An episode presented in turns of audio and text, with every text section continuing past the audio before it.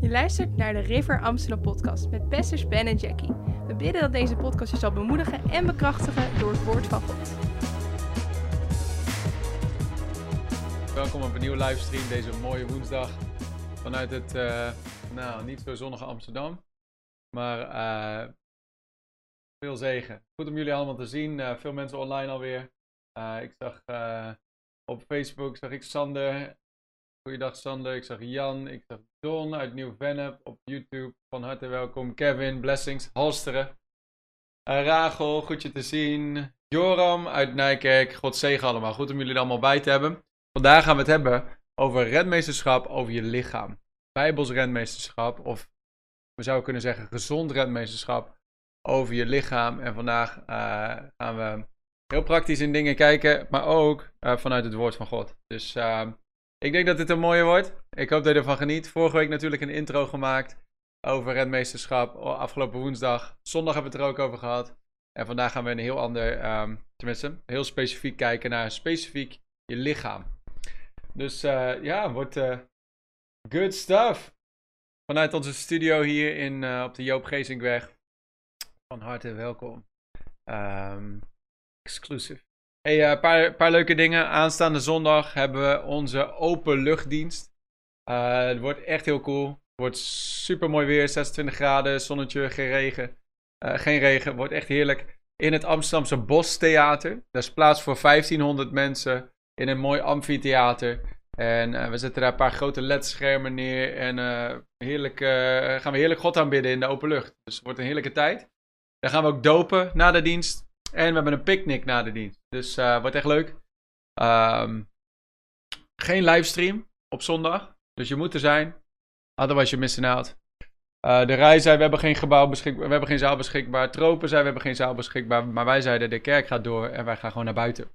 Dus um, it's gonna be great. En ik denk dat het echt een highlight zondag wordt voor ons allemaal om op terug te kijken later. Uh, don't miss out. Dat is nu zondag. Um, daarnaast morgen begint de Bijbelschool. Is uh, exciting. Is natuurlijk ook alweer uh, een poosje geleden. Dus zin om weer een hele nieuwe lichting studenten te verwelkomen morgenavond om half acht. als je student bent, dan heb je de locatie op je mail gekregen. Dus um, wordt supergoed. Wordt supergoed schooljaar. Met volgens mij meer dan 200 studenten weer. Dus super dankbaar voor alle hongerige mensen die uit heel Nederland komen om deel te zijn Reaching the Lost, Reviving Believers en Raising Up Leaders. En dit is de volgende groep leiders die opgericht wordt. dus dat is morgen. En um, vandaag hebben we het over renmeesters. Hoop dat je een goede week hebt. Uh, God zegen allemaal. Annelies, goed je te zien. Jaap Jan, blessings man. Volgens mij kom jij bij Bijbelschool erbij, hè?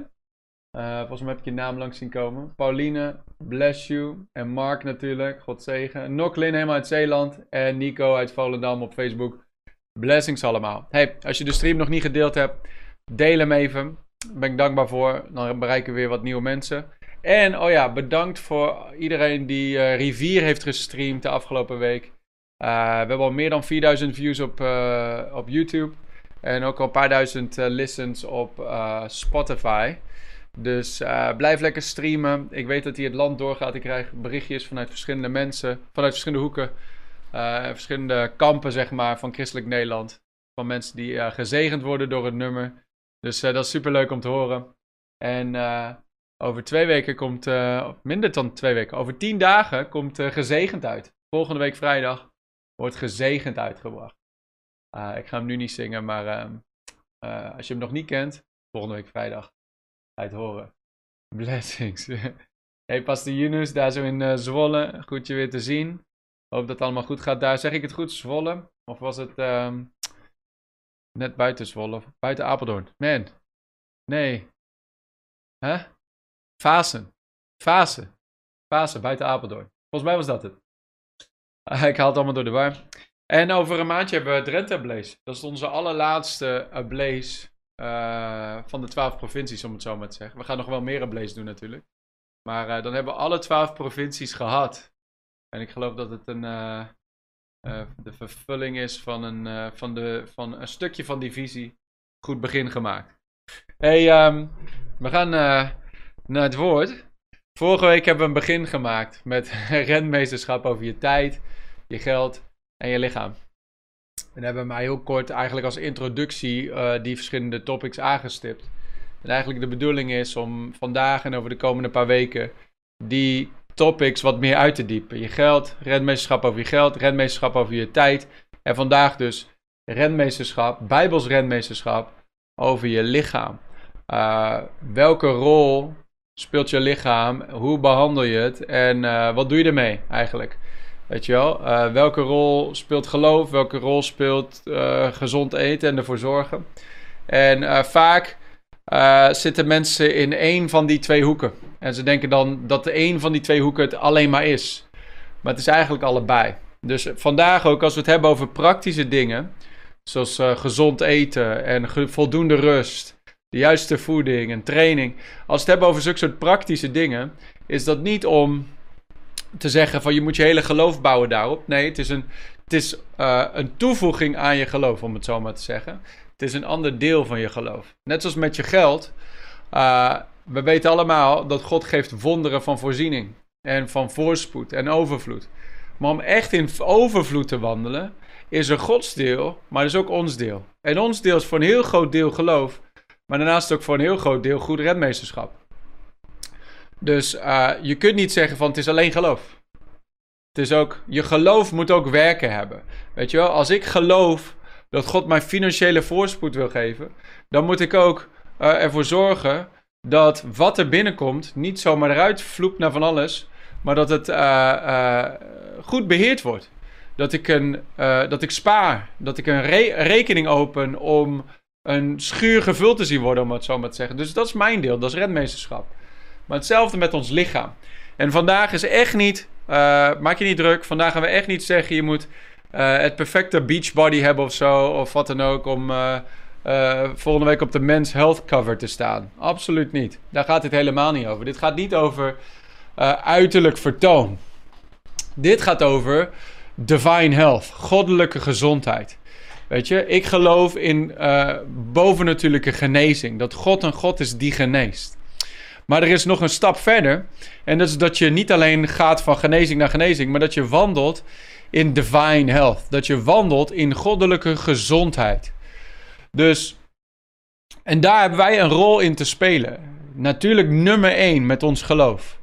Dat wij geloven en daar staat ons geloof op. Hè? We zetten ons geloof niet op. Men, als ik maar goed eet en goed train, dan zal ik altijd gezond blijven. Nee, ik geloof. De Heer houdt me gezond. Zijn bloed stroomt door me heen. Hij houdt ziekte ver van mijn middenweg. En al die dingen meer. Maar tegelijkertijd, ik moet mijn deel ook doen daarin.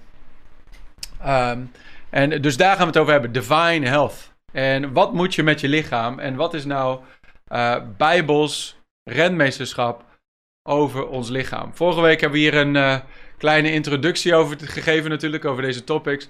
En aan het einde van de livestream uh, krijg ik vaak van die Instagram berichtjes dat mensen de stream delen en zo. Om uh, ja, te delen met andere mensen, dat andere mensen ook kunnen inschakelen. Maar iemand, een van, de, een van jullie stuurde me een fotootje van de salade.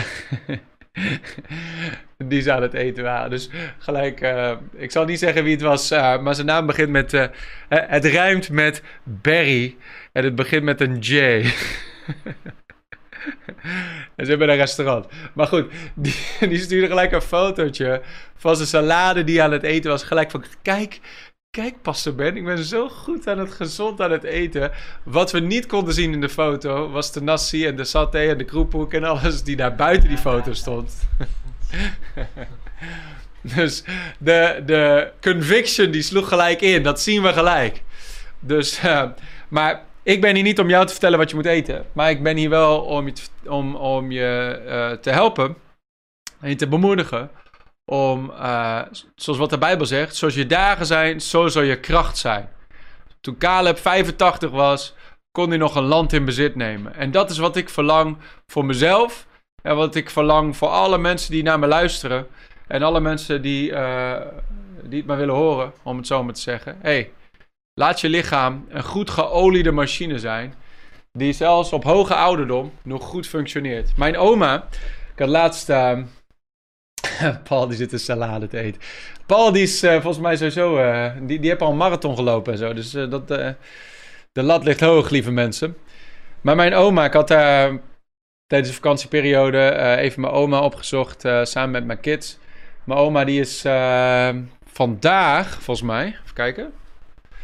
Of vandaag of gisteren. Ik moet er nog even een appje sturen. Of even bellen in ieder geval. Um, ze is 92 geworden. Even kijken. Wanneer was het? Wanneer is het? Morgen. Dus ik kan haar morgen bellen. Morgen wordt ze 92. En deze dame heeft altijd echt gezond gegeten. En uh, uh, uh, daarnaast 40 jaar lang of zo, volgens mij elke ochtend ging ze zwemmen, ging ze baantjes trekken. S ochtends vroeg in een buitenbad. Elk seizoen van het jaar. Dus uh, dit is wel een taaie. Deze dame heeft ook een uh, concentratiekamp overleefd in, in, uh, in Indonesië. Dus een hele sterke dame. is niet klein te krijgen. Maar dat is natuurlijk deels genen, deels geloof in God. Heel groot deel geloof in God. Maar deel ook gewoon goed rentmeesterschap over je lichaam. Um, en uh, daar kunnen we wel wat dingen um, van leren. In Exodus 2, of 23, vers 25. Daar staat: U moet de Heere uw God dienen. Dan zal hij uw brood en uw water zegenen. En dan zegt God: Ik zal ziekte uit uw midden doen wijken. Dat is Gods plan. Ziekte uit ons midden geweken. Bovennatuurlijke gezondheid. Geen ziekte in ons midden. Dat is voor ons persoonlijk, maar dat is ook voor ons als gemeente, als lichaam. Ziekte uh, uit ons midden geweken. Ziekte kwam de wereld in toen de zonde de wereld binnenkwam. En toen Jezus kwam, nagelde hij al de zonde aan het kruis, maar daarmee, daarmee ook de ziekte. En de Bijbel zegt in Matthäus 8, hij zelf heeft onze ziekte en onze kwalen gedragen. En als hij ze gedragen heeft, hoeven wij ze niet meer te dragen. In Jezus' naam. Amen. Maar daarvoor zegt hij: Ik zal uw brood en uw water zegenen. Dus hij zegt: Ik zal uw brood en uw water zegenen en ik zal ziekte uit uw midden doen wijken. Dus die twee gaan samen. Zelfs vanaf het begin al gaf God aan: hey, dit zal u tot voedsel zijn. God gaf aan van: hey, wat, wat is nou goed om te eten en wat is nou niet goed om te eten? Um, zelfs voor geloofspredikers, waar ik er één van ben. Uh, er zijn verschillende voorbeelden van geloofspredikers door de, door, de, door de geschiedenis heen. Die bezweken zijn. Hun lichaam is bezweken terwijl hun geest nog uh, volop wilde preken en wilde wandelen in Gods kracht. Bezweek hun lichaam. Zelfs, soms al zelfs al hele jonge leeftijd. Uh, er was een man, uh, vriend van Pastor Rodney. Die, denk, die was denk ik 42 geworden of zo. Echt een krachtige bediening vanuit Zuid-Afrika. En uh, Pastor Rotti had hem al een paar keer gewaarschuwd. hey, let op je hart. Let op je gezondheid. Eet fatsoenlijk. Al die dingen meer. Pak voldoende rust. Maar deze man ging maar door en ging maar door. En uh, had niet eh, de juiste voeding om je lichaam goed geoliede machine te houden. En wat gebeurde? Hij, overleed op 42 of 43 jaar leeftijd volgens mij uh, vanwege hartfalen. Is dat Gods plan? Nee. Geloofde zij in goddelijke genezing? 100%. Gebeurde het? Nee. Uh, heeft dat te maken misschien met redmeesterschap? Misschien wel. Ik wil er geen oordeel over vellen. Maar wat wij wel kunnen doen is... Wij kunnen naar kijken en we kunnen zeggen van... Oh, misschien kan ik daarvan leren. Daarnaast de vrouw van John G. Lake. Uh, begin jaren 1900. Eind... Ehm, begin 20e eeuw. Die zijn toen... hij is met zijn vrouw en hun ehm, zeven kinderen, als ik, als ik het goed zeg, zijn ze naar Zuid-Afrika verhuisd. Om daar zendelingen te zijn. Vijf jaar lang. In vijf jaar lang, in vijf jaar tijd, 550 kerken gestart. In vijf jaar tijd. ik ben uh, tien jaar bezig, ik heb één kerk gestart. dus ik loop iets achter. Maar in vijf jaar tijd 550 kerken gestart. Meer dan 100.000 zielen gewonnen. Die echt ook gewoon in de kerk uh, gekomen zijn, al die dingen meer. En uh, heel veel genezingswonderen gezien. Maar in die vijf jaar tijd is ook zijn vrouw overleden vanwege uh, verzwakt lichaam, omdat ze niet voldoende at en ook omdat ze geen rust namen. En dus zijn vrouw is gewoon daar begraven. En dat heeft hem echt kapot gemaakt voor een, voor een tijd. Dus En daarnaast ook, er zijn ook andere voorbeelden van uh, mannen van God die op uh, jonge leeftijd, ja, zelfs in hun dertiger jaren, overleden zijn vanwege gewoon hun lichaam gaf, gaf het op, om het zo maar te zeggen. Dus je geest wil wel, de geest is gewillig, het vlees is zwak. dus ons lichaam, net zoals dat je goed voor je auto zorgt en daar af en toe nieuwe olie in doet en de olie vervangt en al die dingen meer en ervoor zorgt dat je nieuwe banden hebt regelmatig, weet ik veel wat als we voor onze auto zorgen dat ons vehicle is om ons van A naar B te brengen, moeten we dan ook niet voor ons lichaam zorgen dat ons vehicle is, ons voertuig is, om ons hier op aarde van A naar B te brengen. En uh, uh, om ons te dragen, zeg maar. Om te doen wat God ons geroepen heeft te doen hier op aarde. En natuurlijk verlangen we daarna dat Jezus ons heel snel komt halen. Maar tegelijkertijd, we hebben een missie te doen. En het kan nog. Uh, kan nog 100 jaar duren, verwacht ik niet natuurlijk. Maar stel dat het nog 100 jaar duurt, dan, dan, dan wil ik, en dan geloof ik dat dat jouw verlangen is, dan wil ik nog volop tientallen jaren, many decades, kunnen knallen zonder verzwakt te raken. En uh, daar, uh, daar hebben wijsheid voor nodig. Uh, er zijn natuurlijk ook anderen geweest die sterke geloofsmannen en geloofsvrouwen zijn geweest, die lichamelijk zo vermoeid wa waren dat ze daardoor in zonde zijn gevallen. Recentelijk nog in het nieuws een voorbeeld van geweest. Van mensen die zo'n druk hebben van alles met bediening en, en zo druk zijn en, en daardoor niet op hun lichaam letten en over grenzen heen gaan. En daardoor in vermoeidheid doe je domme dingen. Daarom is dit, is dit zo belangrijk. Daarnaast ken ik een aantal mensen persoonlijk uh, in dichtbije sferen, zeg maar die uh, iemand die had echt uh, nou ja, bijna artritis, zeg maar. Echt uh, elke dag pijn in lichaam, gewrichten, handen, altijd pijn. En die is toen na een jaar van geloven, sprak de Heilige Geest, stop met suiker eten. En is die persoon gestopt met suiker eten. En alle pijn weg, alle klachten weg. Gewoon gone, volledig weg. En daar ken ik twee voorbeelden van.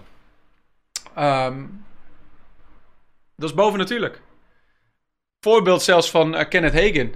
Uh, jullie weten, de vele, vele van jullie weten dat ik een poosje geleden gestopt ben met uh, koffie. Twee jaar geleden gestopt ben met koffie. Ik drink nu decaf. Proost. Um, ik noem dit religieuze koffie. Heeft wel, het smaakt naar koffie, het lijkt op koffie, maar het mist de kracht van koffie.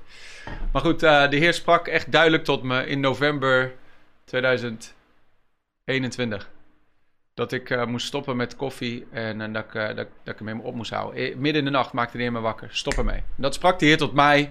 Mensen komen nu naar me toe van, oh ja, af en toe een bakje is wel lekker hoor, weet je wel. Ja, jij moet doen wat jij moet doen, weet je wel. Maar dat sprak de Heer tot mij. En ik dacht toen van, ja, weet je, dat is wel heel, heel vroom en religieus allemaal. Van, ik ga het maar niemand vertellen. Maar toen in die twee weken daarna... Um, keek ik twee verschillende YouTube-video's die, waar ik uh, toevallig opkwam. Toevallig, om het zo maar te zeggen. En eentje was van Kenneth Hagin en eentje was van Kenneth Copeland. Toch wel uh, twee grote geloofsmannen. En Kenneth Hagin deelde in, in die preek die ik zat te luisteren, midden in die preek, stond ook niet bij van waarom ik, titel, waarom ik gestopt ben met koffie of zo. Gewoon een preek over geloof of wat dan ook. En midden in die preek zegt hij dat hij op jonge leeftijd, toen God hem genas van hartsfalen. Hij lag op 17-jarige leeftijd echt op sterven, boven natuurlijk genezen van hartfalen. En um, kwam weer op krachten en begon weer te eten en begon weer te werken en al die dingen meer. Maar uh, binnen een paar jaar kreeg hij enorme uh, maagklachten. Elke keer na ontbijt, enorme maagklachten. En hij zei, ik begon, ik hield op met bacon eten. Nou, nog steeds maagklachten. Uh, minder eieren, nog steeds maagklachten. Dan geen brood, nog steeds maagklachten. Maakt niet uit wat, ze, wat hij uit zijn dieet weghaalde. Die maagklachten bleven enorme pijn in zijn maag. En toen, uh, als allerlaatste, zei hij: Oké, dan nu tenslotte ga ik proberen. Misschien is het koffie. En toen heeft hij koffie eruit gehaald, nul klachten. En toen zei hij: Oh, dan moet het wel koffie zijn. Dus die, van dat moment is hij gestopt met koffie en nooit meer koffie gedronken. Toen heeft hij later nog een keer uh, cola of Dr. Pepper of zo gedronken. Of iets met cafeïne erin. Kreeg hij weer precies diezelfde maagklachten. Kreeg hij weer. Dus hij wist: Dit is de cafeïne. Helemaal gestopt met cafeïne. Dus ik ben niet de enige. Daarna luisterde ik naar Kenneth Copeland. En die was eh, volgens mij 40 of zo. En die kreeg enorme gewrichtspijn. In zijn ellebogen en zo. Pijn. En hij dacht van, wat is er nou? En hij bad erover en hij bad erover. En maandenlang stond hij in geloof. En bood hij weerstand aan die pijn. Maar er was maar geen doorbraak. Toen sprak de Heer tegen hem, stop met koffie, stop met cafeïne. En toen heeft hij dat gedaan en toen was ook bij hem alle pijn weg. Dus, um, Michael, man. Kan iemand Michael blokkeren? ik kan wel nog een... Nou ja, ik zal maar niks zeggen. Pastorale meetings met mij zijn altijd aangenaam. Tenzij je Michael Garau heet. maar dat is een persoonlijk probleem. Um, dus er zijn dus blijkbaar uh, dingen in ons dieet die we weg kunnen halen. Waardoor wij fitter en gezonder kunnen zijn, ook als gelovigen. Suiker. Ze zeggen dat. Ik heb één keer ging vasten en toen, uh, toen dronk ik nog koffie en toen had ik ook nog een stuk meer suiker dan nu. Uh, toen woonden we nog in Volendam. En ik weet nog, die, die eerste, die tweede dag, ik lag letterlijk met koorts op de bank te rillen. En ik dacht, wat is dit? Als je wel eens films hebt gezien waarin iemand uh, cold turkey van de heroïne afgaat, zeg maar. Gewoon eilen en, en, en de hallucinaties. Zo, zover, zover was het bijna. Zo lag ik op die bank in Volendam als een of andere drugsverslaafde die van de drugs afkwam. Drie dagen vasten koffie en uh, suiker. Man, het was echt bizar. De effecten die dat op mijn lichaam had. Zeg ik, oeh, dus uh, die goed. Na drie dagen vasten gewoon begonnen met koffie en suiker. Als een idioot. Uh, dus, wat bedoel ik te zeggen? Uh, er zijn bepaalde dingen die in ons dieet zijn geslopen de afgelopen 100 jaar. Die ze 100 jaar geleden helemaal niet aten. We eten nu zoveel suiker. Er zijn zoveel nepdingen die in ons voedsel zijn gekomen, die 100 jaar geleden niet eens bestonden. En we vragen ons af waardoor al, waarom er allerlei ziektes de wereld in komen die hiervoor helemaal niet bestonden. Weet je, zou het misschien iets te maken met onze voeding? En daarnaast, als je kijkt naar Money Makes the World Go Round, dat dezelfde organisaties die de medicijnen maken ook vaak de voeding maken. Um, dan zou je kunnen zeggen: misschien zit er iets achter. Ehm, en misschien moeten we letten op: hey, wat prop ik mijn mond in?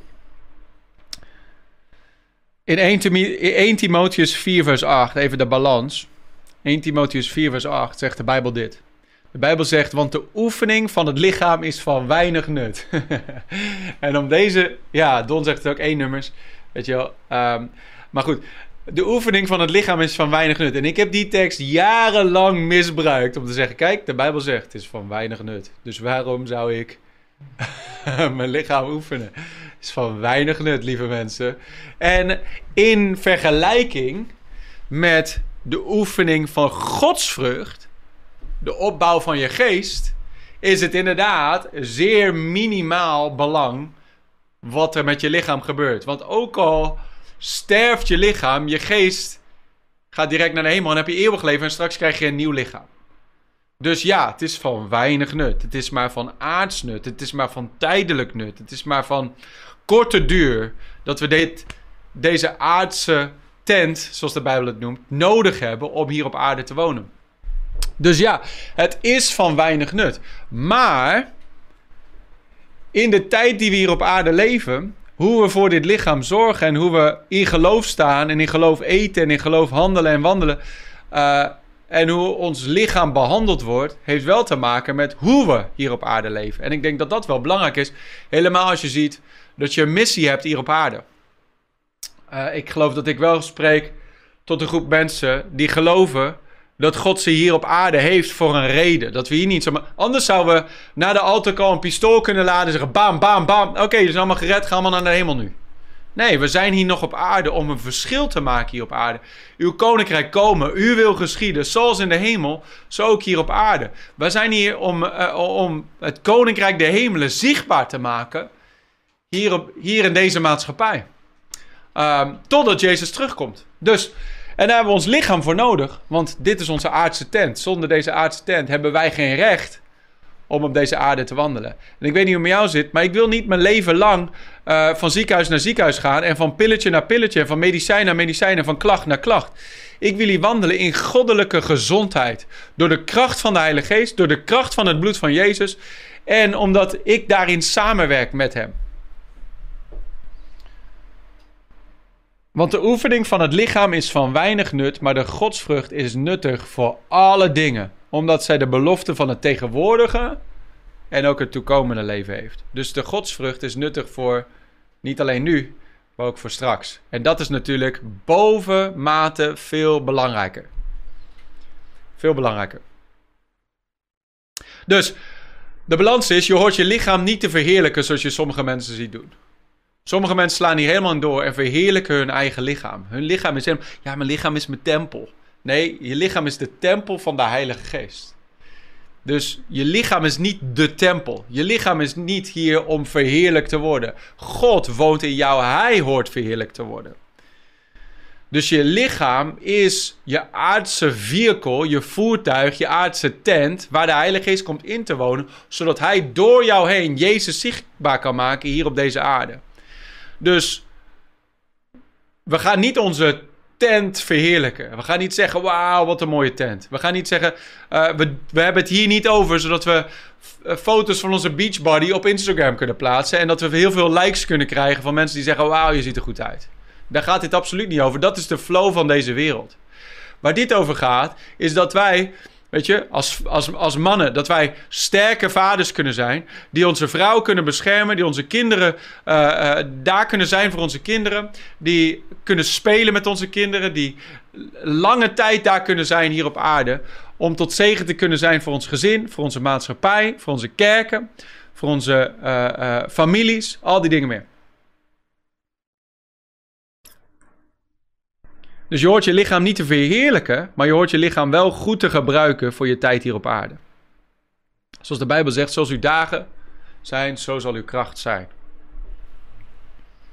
Romeinen 12, vers 1. Wat moet je nou doen met je lichaam? Een paar dingen. Wat is nou Bijbels renmeesterschap van je, over je lichaam? Romeinen 12, vers 1.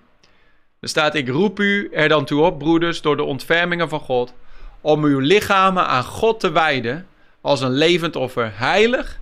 Iedereen schrijft heilig. Ja, Kevin, minder Tony Chocoloni. Tenzij het pure chocola is en je het in mate eet. Dan mag het, want dat doe ik ook.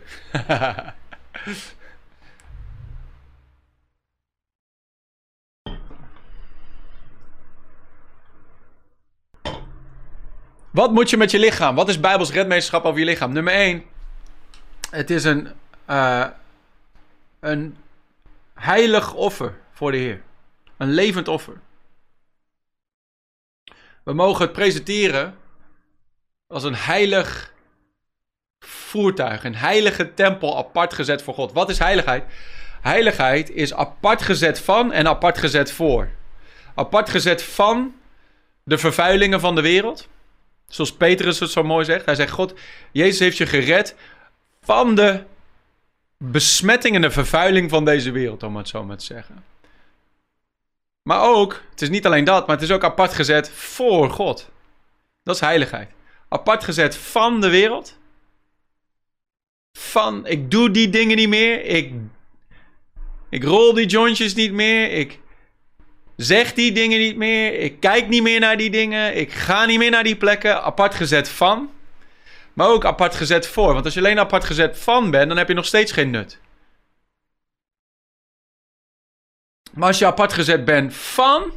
En dan ook voor, voor God, voor dienstbetoon, voor nuttig werk, om het zo maar te zeggen, voor het plan van God voor je leven, dan ben je een heilig, heilig offer. Een levend offer, heilig en voor God welbehagelijk. Dat is uw redelijke godsdienst.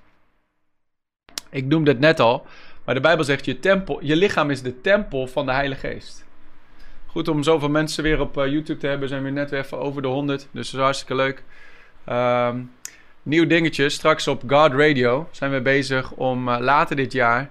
Om deze woensdag livestream ook live op God Radio te gaan doen. Dus we zijn nu al zondag live. Maar we gaan straks ook op de woensdagen om 12 uur live op God Radio. Nemen we bellers aan, kunnen we vragen beantwoorden, interactief, al die dingen meer. Dus dan wordt ons publiek opeens een heel stuk groter ook weer. En het is tot zegen voor God Radio. Maar ook, geloof ik, voor heel veel mensen om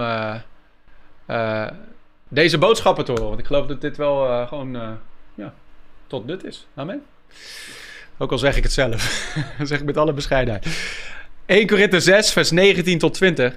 Daar staat: Of weet u niet dat uw lichaam een tempel is van de Heilige Geest die in u is. En die u van God hebt ontvangen en dat u niet van uzelf bent. Dus mensen zeggen: Ja, maar het is mijn lichaam, ik doe ermee wat ik wil. Baas in eigen buik. Mijn lichaam.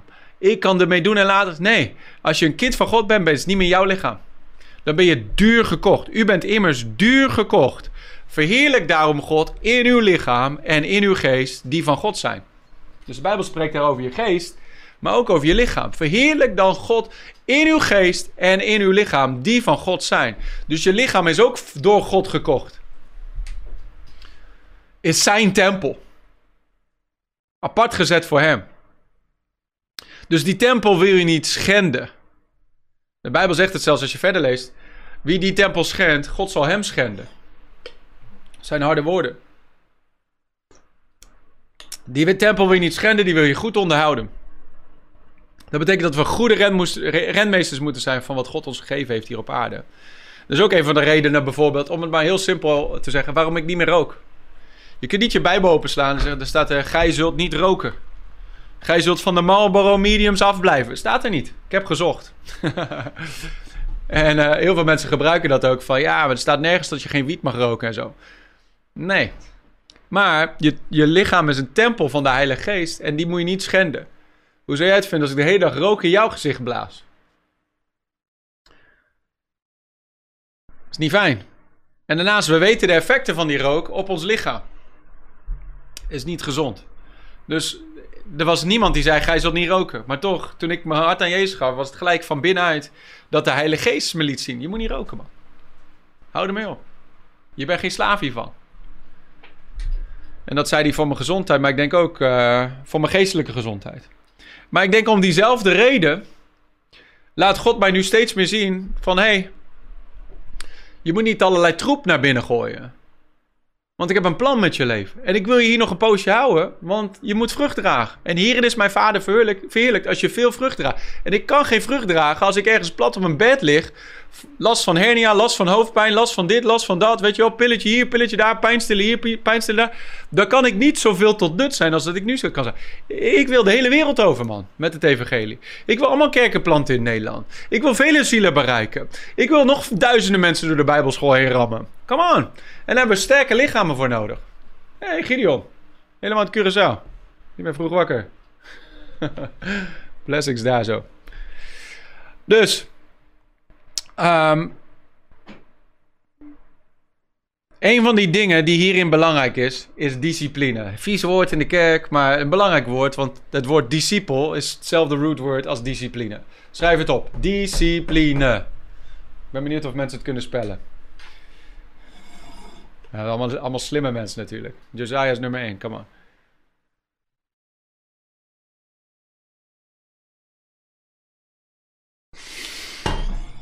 Paul, hou op.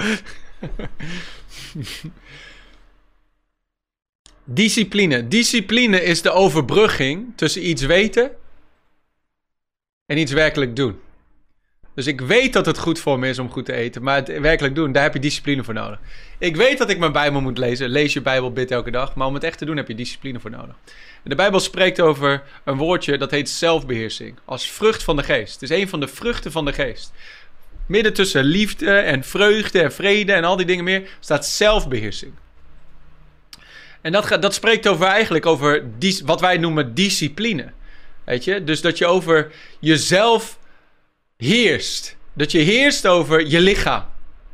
Veel mensen laten hun lichaam over hun heersen. En als je je lichaam de vrije loop laat, gaat het altijd maar doen wat goed voelt. En zoals Pastor het in de Bijbelschool in Amerika het altijd zo goed zei, de decaan daar toen, die zei altijd: Your flesh is a pig.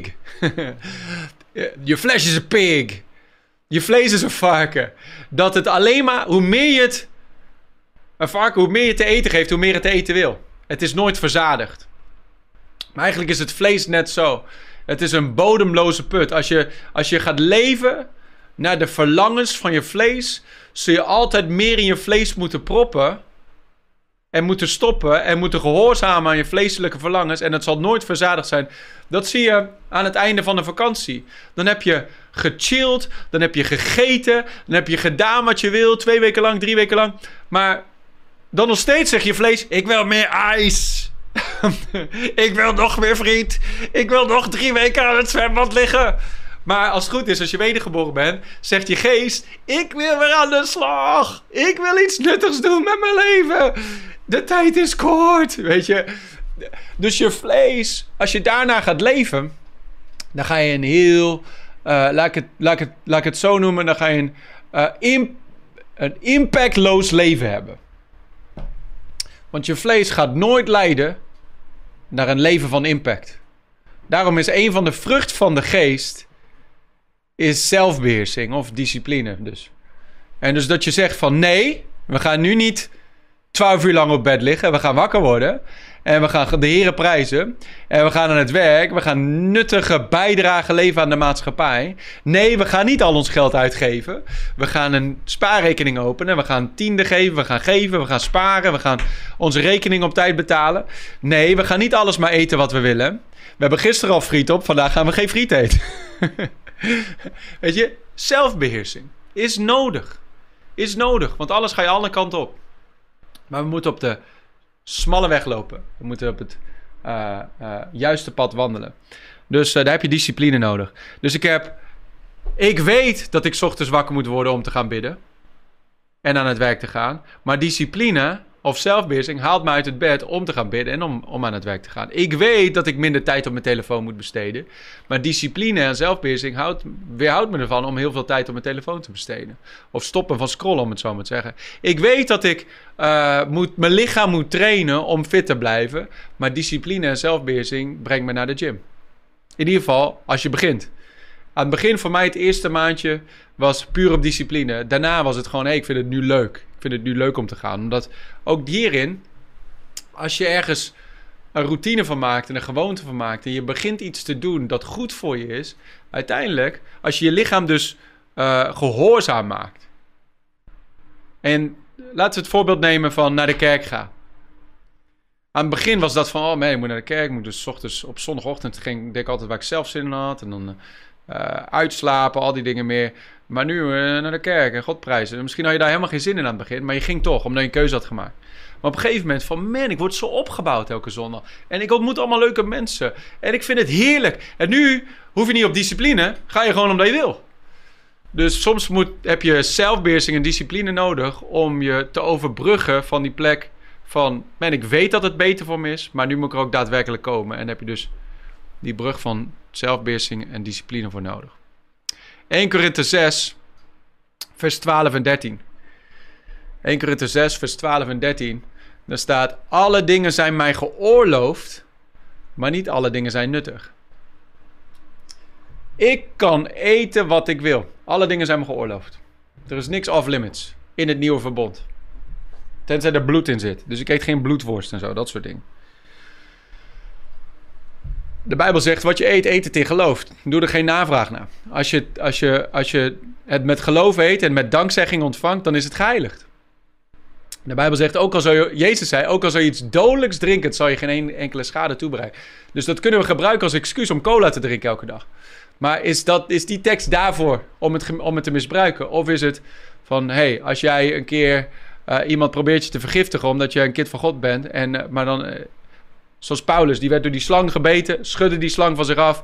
En de mensen op Malta die keken naar hem en zeiden: Dit is een God. En hij zei: Nee, ik ben geen God, maar ik zal je vertellen over God. Dus alle dingen zijn geoorloofd, maar niet alle dingen zijn nuttig. Dus ik mag alles eten wat ik wil, maar niet alles is nuttig. Alle dingen zijn mij geoorloofd, maar ik zal mij niet onder de macht van ook maar iets laten brengen. Ga je naar de hel als je sigaretten rookt? Nee. Als je een kind van God bent, je hebt Jezus je hart aangenomen. En je, je, je komt er maar niet los van of zo. Uh, om welke reden dan ook. Hoewel de Bijbel zegt dat je al vrij bent. Dan ga je nog steeds naar de hemel. Maar moeten we ze onszelf onder die macht van die dingen laten houden? Nee, absoluut niet. Want de Bijbel zegt: de zonde zal over jou niet langer heersen. Dan staat er: het voedsel is voor de buik en de buik voor het voedsel. Maar God zal zowel het een als het ander te niet doen. Het lichaam is echter niet voor de hoererij, maar voor de Here en de Here voor het lichaam. Dus dat heeft ook weer te maken met heiligheid. Dat ons lichaam wordt gebruikt voor heiligheid, apart gezet. We gaan niet meer gewoon naar bed met alles en iedereen. Dat is voor het huwelijk. Het huwelijksbed is undefiled. Het is heilig en puur en onbevlekt. En daar is seks voor. Dus uh, alle dingen zijn mij geoorloofd, maar niet alle dingen zijn nuttig. Ik mag alles eten. En ook als je zegt van, weet je, je kunt hier heel erg aan doorslaan. Dat je op alles let en, en, je hele vreugde rooft van het leven, om het zo maar te zeggen. Ik denk niet dat dat nodig is. Want we zijn onder de genade. Je laat jezelf niet onder een wet brengen. We zijn onder genade. Eet wat je eet, eet het met dankbaarheid. En als je af en toe naar de KFC wil, dan ga je lekker af en toe naar de KFC. Je ontvangt het met dankbaarheid en is het geheiligd. Maar als je elke dag naar de KFC gaat en, en gewoon je oren dichtsluit voor goede raad en wijsheid, dan, dan ben je in dwaasheid bezig, denk ik.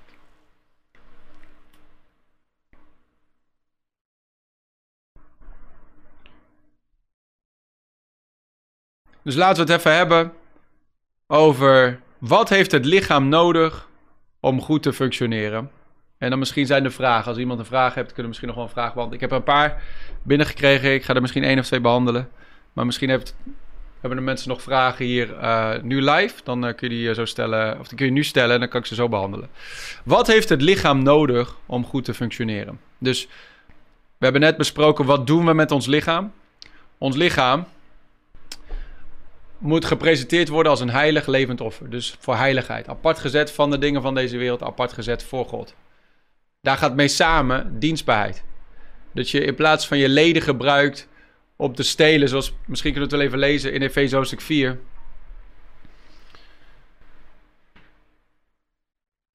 In Efeze 4 spreekt de Bijbel over wat we met ons lichaam moeten doen nu dat we gered zijn. Beginnend in vers 22. Er staat namelijk dat u, wat betreft de vroegere levenswandel, de oude mens aflegt die te gronde gaat door, door de misleidende begeerten. En dat u vernieuwd wordt in de geest van uw denken en u bekleedt met een nieuwe mens. Die overeenkomstig het beeld van God geschapen is in ware rechtvaardigheid en heiligheid. Dat is wie je bent in de geest. Bekleed je daarmee.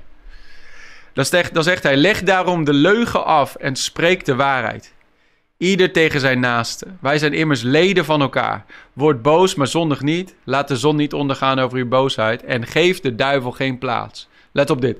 Wie gestolen heeft, moet niet meer stelen, maar zich liever inspannen om met de handen goed werk te doen. Om iets te kunnen delen met wie gebrek heeft. Dus dat spreekt over je lichaam. Wat doe je met je handen? Weet je, voorheen gebruikte hij die handen als leden van onrecht, ongerechtigheid. Nu gebruik ze als leden van gerechtigheid. Vroeger, dan zegt hij, zegt hij dus, wie gestolen heeft, vroeger gebruikte hij de handen om te stelen. Gebruik ze nu om tot zegen te zijn. Gebruik ze nu om met die handen te werken, goed werk te doen, zodat je goed salaris ontvangt om daarmee tot zegen te zijn. Dat zegt hij hier letterlijk. Om iets te kunnen delen met wie gebrek heeft. Dan zegt hij, laat er geen vuile taal uit uw mond komen. Dat is ook je lichaam maar wel iets goeds, wat nuttig is tot opbouw, opdat het genade geeft aan hen die het horen. En bedroef de Heilige Geest van God niet, door wie u verzegeld bent, tot de dag van de verlossing. Dus je lichaam, de Heilige Geest woont in je lichaam. Dus je lichaam is de tempel van de Heilige Geest. En hoe we dus ons lichaam gebruiken, kan hem dus bedroeven. Hij zegt, geef de duivel geen plaats. En dan gaat hij praten over hoe we ons lichaam gebruiken. Hij zegt ook in, in 1 Korinthe, als hij spreekt over dat je lichaam de tempels van de Heilige Geest, zegt hij: Zal ik dan de leden van mijn lichaam maken en ze verenigen met een hoer? Want wie, eh, wie seksuele onreinheid daarin wandelt, die maakt zichzelf één met die andere persoon. Dus in andere woorden, als jij naar bed gaat met iemand anders, dan komt er een eenheid. Dan word je vastgeplakt als twee velletjes papier. Die worden samengeplakt zo. En als je dat dan weer losscheurt, wat gebeurt er? heb je stukjes papier van de ene papier, heb je op jou en, en andersom. Dus dat, is vereniging vindt plaats. En als je beseft, ik ben de tempel van de Heilige Geest, dan kun je niet zomaar met Jan en allemaal. Nee, dan moet je dat reserveren voor het huwelijk. Dat heeft te maken met heiligheid, heeft te maken met apart gezet leven. Dus daarnaast dienstbaarheid, weet je. De handen die vroeger gingen stelen, laat ze nu ingezet worden om tot zegen te zijn. Gezegende handen die ingezet worden om tot zegen te zijn voor andere mensen. Je mond die vroeger gebruikt werd om mensen neer te halen en om te liegen en om te bedriegen en voor jezelf uh, bezig was. Laat die nu ingezet worden, je tong, om leven te zaaien en op te bouwen en te bemoedigen. Hoe zetten we ons lichaam in? Dus in dienstbaarheid, als een levend offer, in heiligheid, in reinheid. Maar daarnaast dus, uh, tot slot, wat heeft het lichaam nodig om goed te kunnen functioneren? Dus het moet ingezet worden voor, voor, voor dienstbaarheid en heiligheid. Um, en hopelijk een heel lang, sterk leven vol van impact. Vol van dienstbaarheid. Voor onze generatie. Dat aan het einde van ons leven, dat onze generatie weet dat, er, dat Jezus door die persoon geleefd heeft. Door jou heen geleefd heeft. Dat er een impact gemaakt is op de volgende generatie. De rechtvaardige zal een erfenis opleggen voor zijn kinderen en zijn kindskinderen. Geestelijke erfenis, materiële erfenis. En hopelijk hebben we dus een sterk leven door middel van een sterk lichaam. Om die deposit te maken in de volgende generatie. In deze generatie, in de volgende generatie. Dus wat heeft dat lichaam dan nodig om goed te functioneren? Nummer 1, de juiste voeding. De juiste voeding. Dus uh, als ik met mijn auto, dus een, uh, een benzineauto, als ik daar diesel in knikker dan gaat hij niet goed functioneren. Dat snappen we allemaal. En uh, ons, mijn auto is een vehicle, is een voertuig.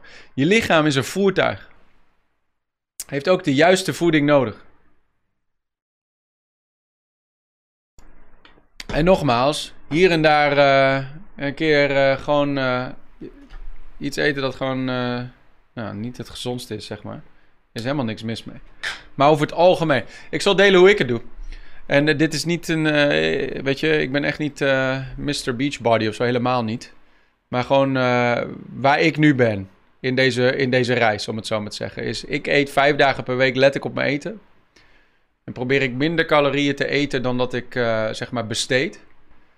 Dus elke dag verbrand je een bepaald aantal calorieën.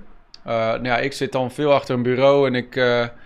op zondag zie je me heen en weer rennen, maar dan, dan krijg ik mijn 10.000 stappen wel in, zeg maar. Maar de rest van de week moet ik echt op letten dat ik uh, genoeg activiteit heb. Daar komen we zo meteen bij.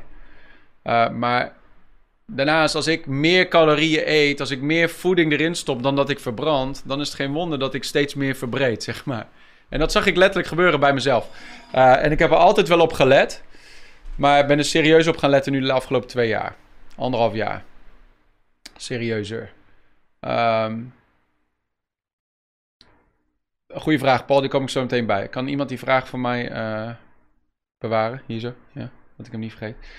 Um, dus minder calorieën in dan eruit. Nou, ik ben eh, enorm gezegend met uh, enorm snelle stofwisseling en al die dingen mee. Dus voor mij is het makkelijker dan voor de meeste mensen om qua gewicht op niveau te blijven of zo, of op peil te blijven. Voor anderen is dat moeilijker en meer een uitdaging. Daarom zeg ik, dit is, gaat niet om beachbody. Dit gaat gewoon om gezond. En ik was skinny fat, om het zo maar te zeggen. Waarin ik wel, misschien als ik een t-shirtje aan had, uh, tenger was. Maar niet gezond. Als ik dan de trap op rende, was en dat ik ben, ik ben 35. Dit gaat niet goed. dus um, Weet je, dat wil ik niet. Ik wil gewoon met uh, mijn zoontje kunnen voetballen en al die dingen meer. Dus uh, welke rol heeft eten in je leven? Want sommige mensen die kunnen, uh, die, die, die leven letterlijk onder de heerschappij van eten. En dan is het goed om af en toe een paar dagen te vasten om je lichaam eraan te herinneren welke rol het speelt. Het heerst niet. Voeding heerst niet over jou. Weet je wel? Je gaat niet dood als je drie dagen niet eet. Wel goed drinken natuurlijk. Um, kun je niet kun je misschien niet elke week doen. Maar, weet je, mensen in helemaal het westen, west, in het westen hebben voeding zo verheerlijkt. Weet je wel? We eten zoveel. En we hebben zoveel eten altijd beschikbaar voor ons. Dat we uh, haast een mentaliteit hebben dat je uh, continu moet eten. Dat is helemaal niet zo. Um, dus wat ik gemerkt heb is dat ik met ietsjes minder eten en iets meer sporten, dat ik me enorm veel beter voel. En dan ook ietsjes minder eten, maar dan ook de juiste voeding. En voor, voor mij is dat uh, veel eiwitten en minder, zeg maar, uh, koolhydraten en minder vetten. Uh, om gewoon op balans te blijven. Dus dat doe ik vijf dagen, let ik erop. Twee dagen let ik er helemaal niet op. Dat is per week. Weet je wel? Dat ik gewoon over het algemeen goed eet, gezond eet, de juiste voeding eet. En dan tegelijkertijd dat als ik uh, een keer uit eten ga met iemand, dat ik ook gewoon lekker gewoon kan eten waar ik zin in heb. Of als ik met mijn kids family day heb, dat we gewoon lekker patatjes kunnen eten en een ijsje kunnen halen en zo. Dat ik niet zo in zo'n een of andere uh, uh, dwangbuis zit, die ik zelf gemaakt heb of zo. Weet je wel? Um, dus, de juiste voeding. daarbij hoort denk ik ook genoeg het juiste drinken. Want dat is misschien voor de meeste mensen is dat misschien wel de grootste killer is dat ze heel veel uh, calorieën drinken. Veel suikers in het drinken, veel, uh, veel troep eigenlijk in het drinken. Dus, en er zijn heel veel mensen zijn dehydrated, heb ik me laten vertellen. Dus uh, water. Water. En daar, daar ben ik wel heel dankbaar voor. Tijdens, toen ik in de universiteit zat, en eigenlijk door al mijn tien jaar heen, ik had last van slechte huid. En ik merkte dat als ik veel uh, frisdrank dronk en veel suikers had, dat ik dan mijn huid slechter werd. Dus het, nou, daar, daar gaf ik wel om als tiener. Dus toen uh, ging ik heel veel water drinken. Om uh, systeem te flushen, om het zo maar te zeggen. En daar werd mijn huid beter van. Dat heb ik eigenlijk mezelf ge geleerd of, of zo. Eigenlijk vanaf 16, 17 jaar leeftijd. Om gewoon altijd heel veel water te drinken. Dat heb ik er altijd eigenlijk ingehouden. Schoon drinkwater, zegt de man die waterfilters verkoopt. Uh, maar dat is inderdaad wel waar. Schoon drinkwater. Um, dus dat is wel belangrijk. Water. Want uh, je lichaam is natuurlijk voor een heel groot deel vocht. En zoals cafeïne bijvoorbeeld. Dehydrate you. Cafeïne vreet calcium. Cafeïne eet aan je botten, om het zo maar te zeggen. Omdat het calcium eet, dan eet het je botten weg. Al die dingen meer. Suiker is natuurlijk, heeft allerlei andere slechte effecten. Dus als je continu suikers drinkt dan is het heel lastig. Dan ben je eigenlijk uh, tegen de stroom in aan het roeien. Omdat je dan heel moeilijk onder je cal calorieënpeil blijft. Um, dus ik ben eigenlijk helemaal opgehouden met alle soorten soda's en zo. Af en toe als ik uit eten ga, drink nog een uh, ginger beer of zo, weet je wel. Nou, dat vind ik dan wel lekker. Uh, maar hier, de koelkast staat altijd vol met gingerbeer en allerlei andere frisdranken. Zo. Ik denk dat het er al anderhalf jaar in staat en ik, ik kom er niet meer aan. Af en toe op zondag na een preek, een gingerbeertje zo, dat voel je dan zo, die, die gember voel je dan zo, na het preken is het heerlijk voor je stem. Dus dan uh, af en toe dan, mag het. Maar um, ja, de juiste voeding, de juiste drinken. Um, dus wat ik eigenlijk deed tijdens COVID had ik elke avond een zak chips leeg. En ik zat te kijken, een beetje aan het einde COVID. Ik dacht echt van. Of mid-COVID, denk ik meer. Echt van, man, waarom komen er kilo's aan? Ik, ik had vroeger nooit problemen. En misschien is het omdat ik nu 35 ben en dan uh, gaat je stofwisseling wat langer en al, langzamer en al die dingen.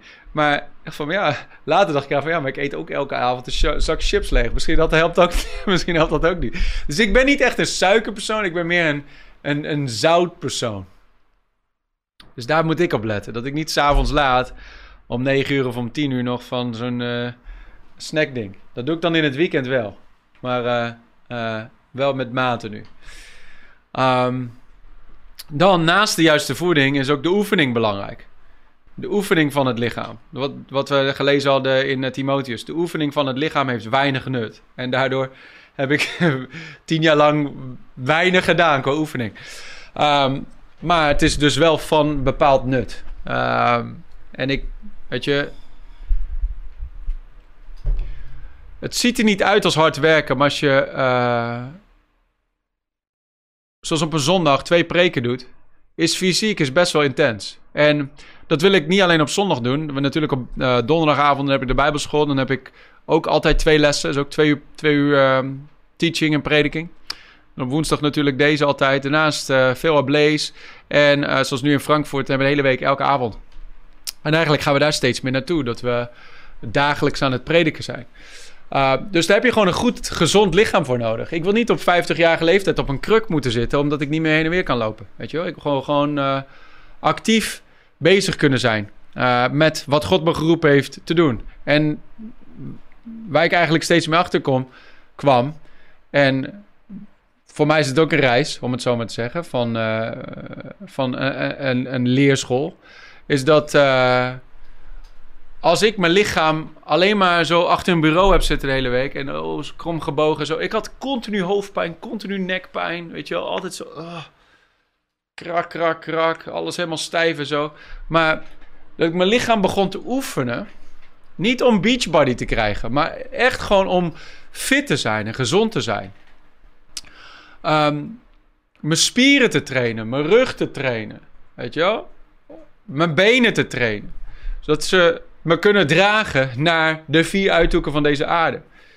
Uh, man, ik voel me veel beter, nummer één. Nummer twee, ik kan sprintjes trekken op het strand met mijn kids. heb ik afgelopen vrijdag gedaan. En ik, ik win nog steeds, halleluja. Kijk hoe lang dat nog uh, vol kan houden. Um, maar ik voel me beter, weet je. En uh, ik geloof dat het je positioneert voor een leven leven lang van impact. En uh, ik denk dat het belangrijk voor is. En de oefening is dus trainen. En dat kun je dus doen op jouw manier. Wat jij leuk vindt. Gaan wandelen s'avonds met je vrouw, met je hond, wat dan ook. Fietsen, tennissen, sporten, weet ik wat, boksen, naar de gym. Ik heb jarenlang er tegenin gebokt van nee, ik wil niet naar de gym. Er staan alleen maar mensen naar zichzelf te kijken in de spiegel. Mij niet gezien. Ik hoef er echt niet te zijn. Weet je wel, al die club vibes en zo is mij ter wereld. Ik wil er niet zijn. Maar um, toen heb ik gewoon gezocht naar een gym met heel weinig spiegels en een beetje een andere vibe, zeg maar. En uh, gewoon van, oké, ik doe gewoon mijn oordopjes in. Ik luister naar prediking. Ik luister naar Bijbel-app. Zet ik gewoon de audio-bijbel aan en gewoon uh, een uur lang naar uh, de brieven van Paulus of de psalmen of wat dan ook. Ik word geestelijk gevoed. Ik heb een moment waar mentaal even nergens over na hoeft te denken. Waardoor je daardoor ook weer helderder bent als je wel aan het werk bent. Dat is ook belangrijk. Uh, en um, waarin je lichaam getraind wordt om sterk te zijn door de jaren heen. Dus vind iets, ik kan je echt aanraden, vind iets dat je zelf kan doen, dat je kan inbouwen in je levensstijl, wat jij leuk vindt. Zoals ik zei, de gym was voor mij echt uh, puur op discipline die eerste maand. Maar nu vind ik het echt leuk om te gaan.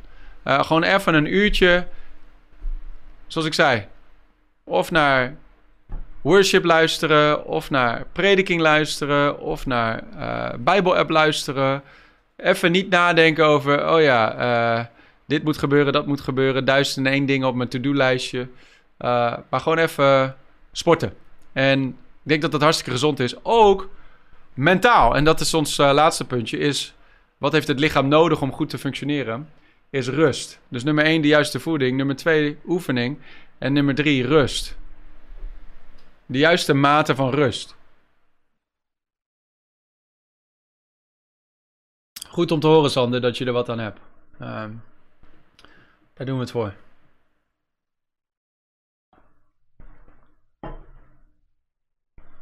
Rust.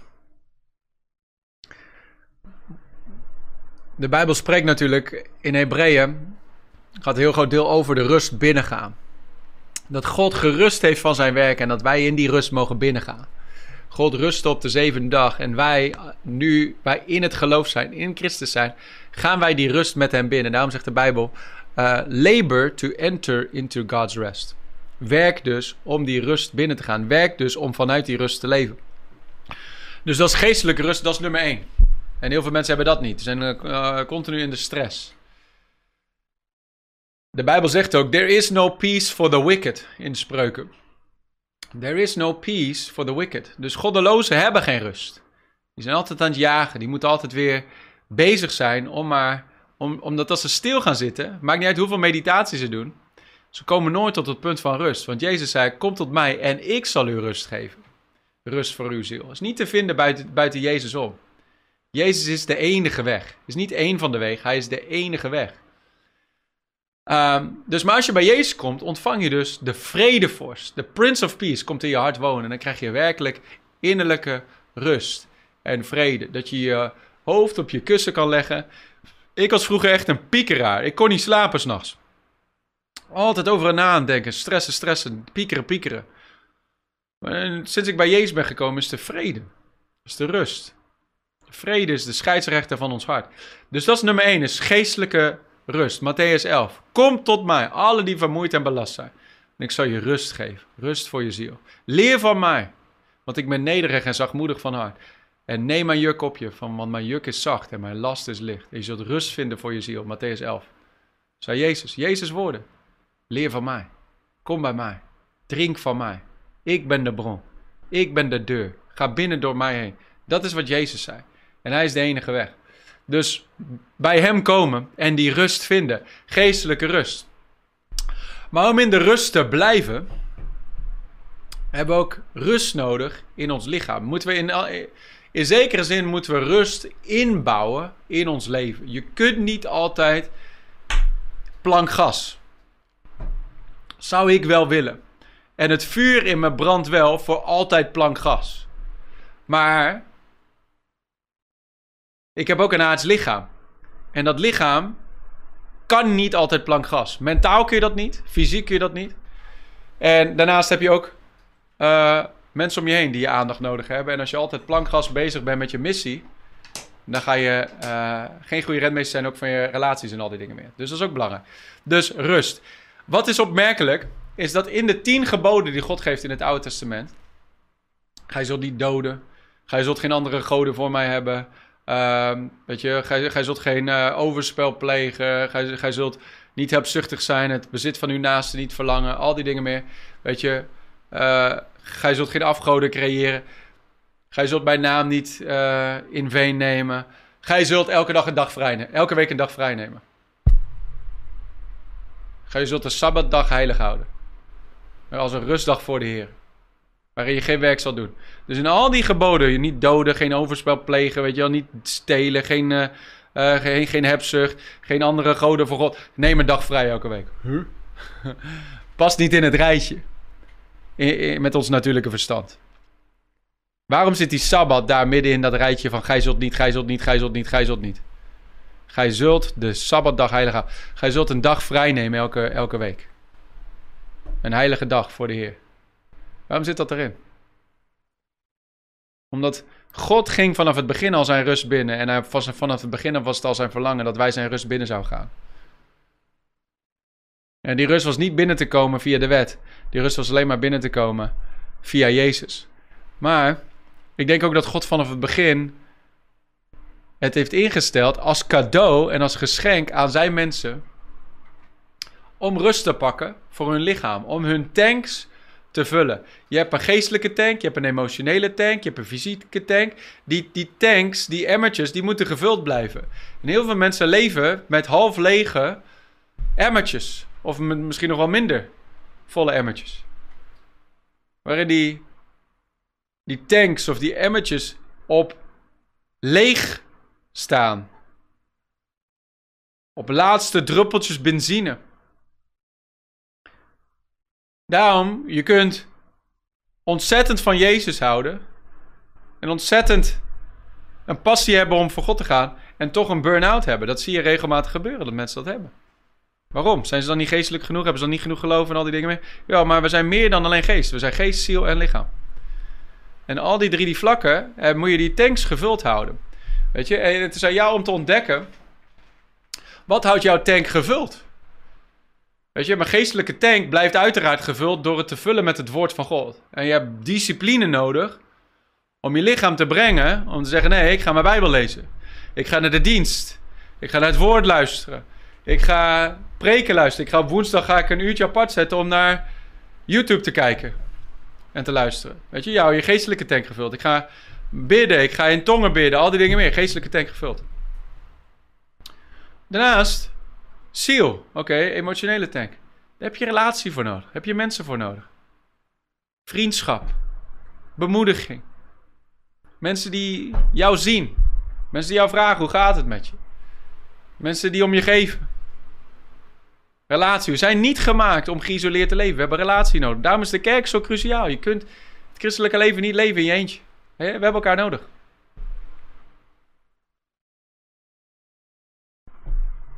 Ja, Sander noemt het al. Eh, had ik dat aan jou gegeven, Sander? Take the day off. Pastor Robert Morris, supergoed boek. Voor alle strebertjes onder ons. Alle jagers. Take the day off van Robert Morris, ontzettend goed boek. Over, over dit soort dingen. Die man had een burn-out in de bediening. Hele grote bediening. Had een burn-out. En hij zei, hoe kan dit nou, weet je wel? En uh, toen uh, begon de Heer hem te onderwijzen over rust.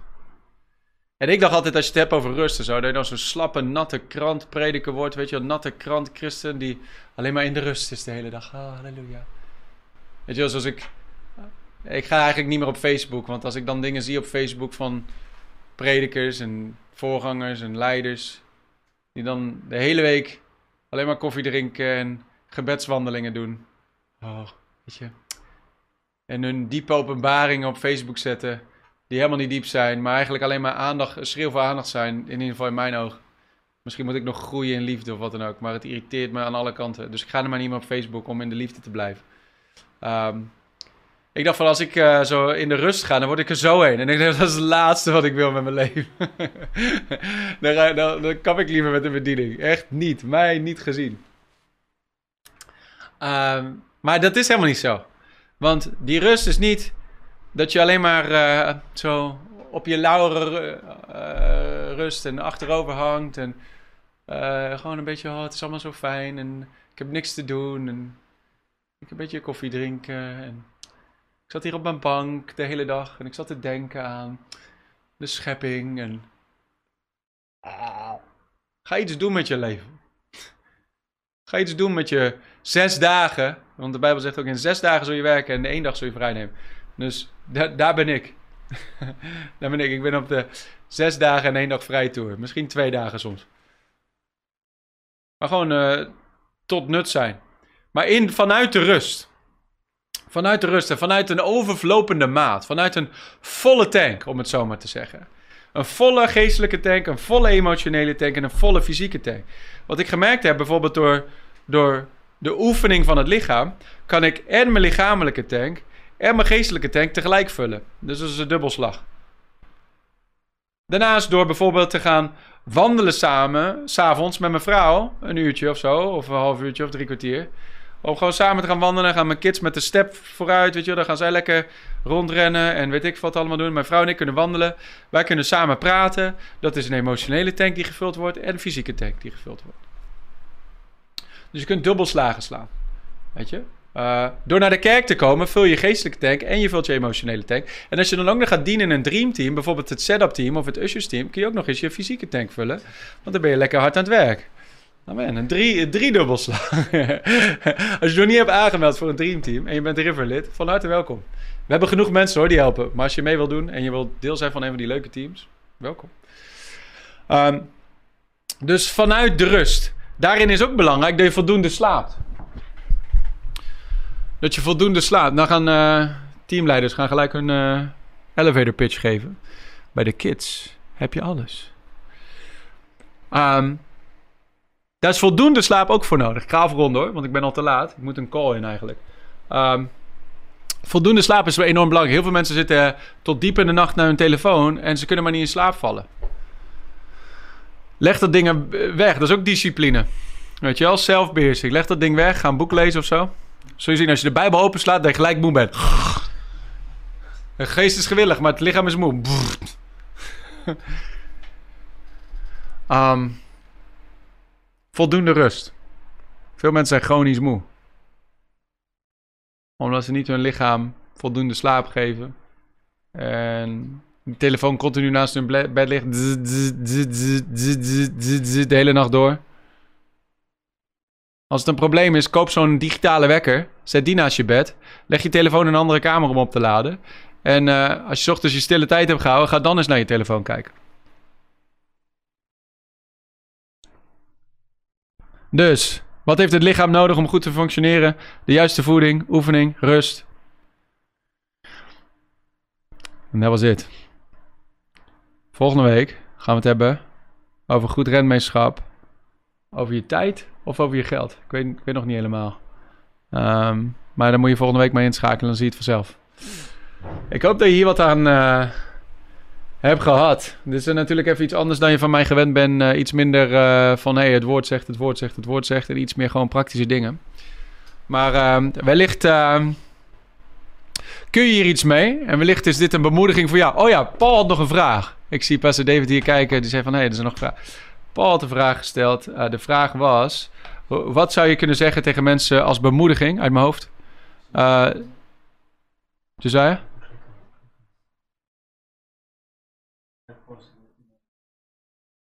Oh, hij heeft hem al. Hij hem al.